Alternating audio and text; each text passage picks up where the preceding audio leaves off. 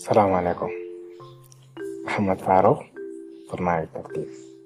الليلة يوم 14 واحد سنة عشرين ثلاثة وعشرين الساعة 12 واحد وثلاثين دقيقة.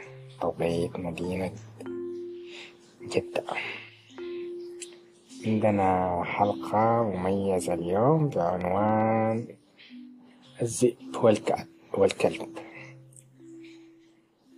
من حكايات الإغريق القدماء التي تروى على ألسن الحيوانات أن ثعلبا قد ضمر حجمه وظهرت عظام صدره لأن الكلاب كانت ضارعة جدا في إبعاده عن الأغنام.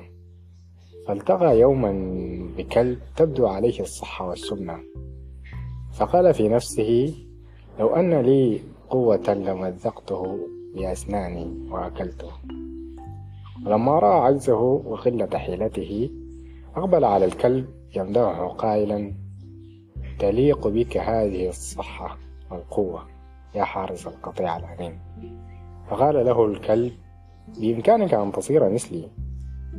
اترك هذه الناحية من القابة وتعال أقم عندنا حيث الطعام وفير فقال له الذئب وما الطعام هناك؟ فقال له ألذ الأطعمة وعظام الدجاج وطبطبة على ظهرك من يد السيد. سأل لعاب الذئب من كلام الكلب وغرض أن يمضي معه. وأثناء الثير لاحظ أثرا في رقبة الكلب فقال له ما هذا؟ فقال الكلب هذا أثر السلسلة التي تربط التي يربطني بها سيدي. فقال الثعلب إذا لست حرا. في الرواح والمجيء. فقال الكلب أحيانا ولكن لا يهم ما دمت أحصل على كل شيء. فقال له الثعلب إني أختار الجوع مع الحرية على السمنة والسلسلة. امضي في طريقك. العبيد لن تفهم أبدا أن الحرية أسمى من الخبز. الحرية أسمى من الخبز. هذه ثاني أجمل مقولة قرأتها عن الحرية. أما الأولى فقول عمر بن الخطاب لعمر بن العاص يا عمر متى استعبدتم الناس؟ وقد ولدتهم أمهاتهم أحرارا. تسابق ابن لعمر بن العاص وهو يومئذ أمير مصر.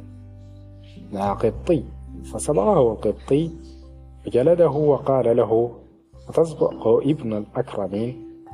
ولأن الظلم مر واستعباد الناس لا يستساق. يأتي القبطي من مصر إلى المدينة ويرفع شكواه إلى الفاروق الذي يرسل في طلب عمر وابنه. فلما حضروا بين يديه ناول درته للقبطي وقال له اضرب ابن الأكرمين.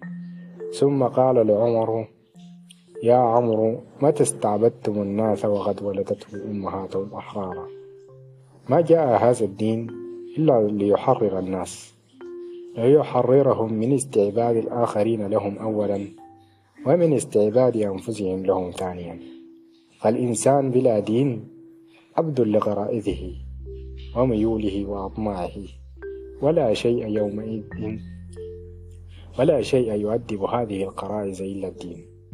لهذا نجد الإسلام العظيم يقف وسطا معتدلا بين أولئك الذين أطلقوا قرائزهم الإنسان وبين أولئك الذين كبتوها.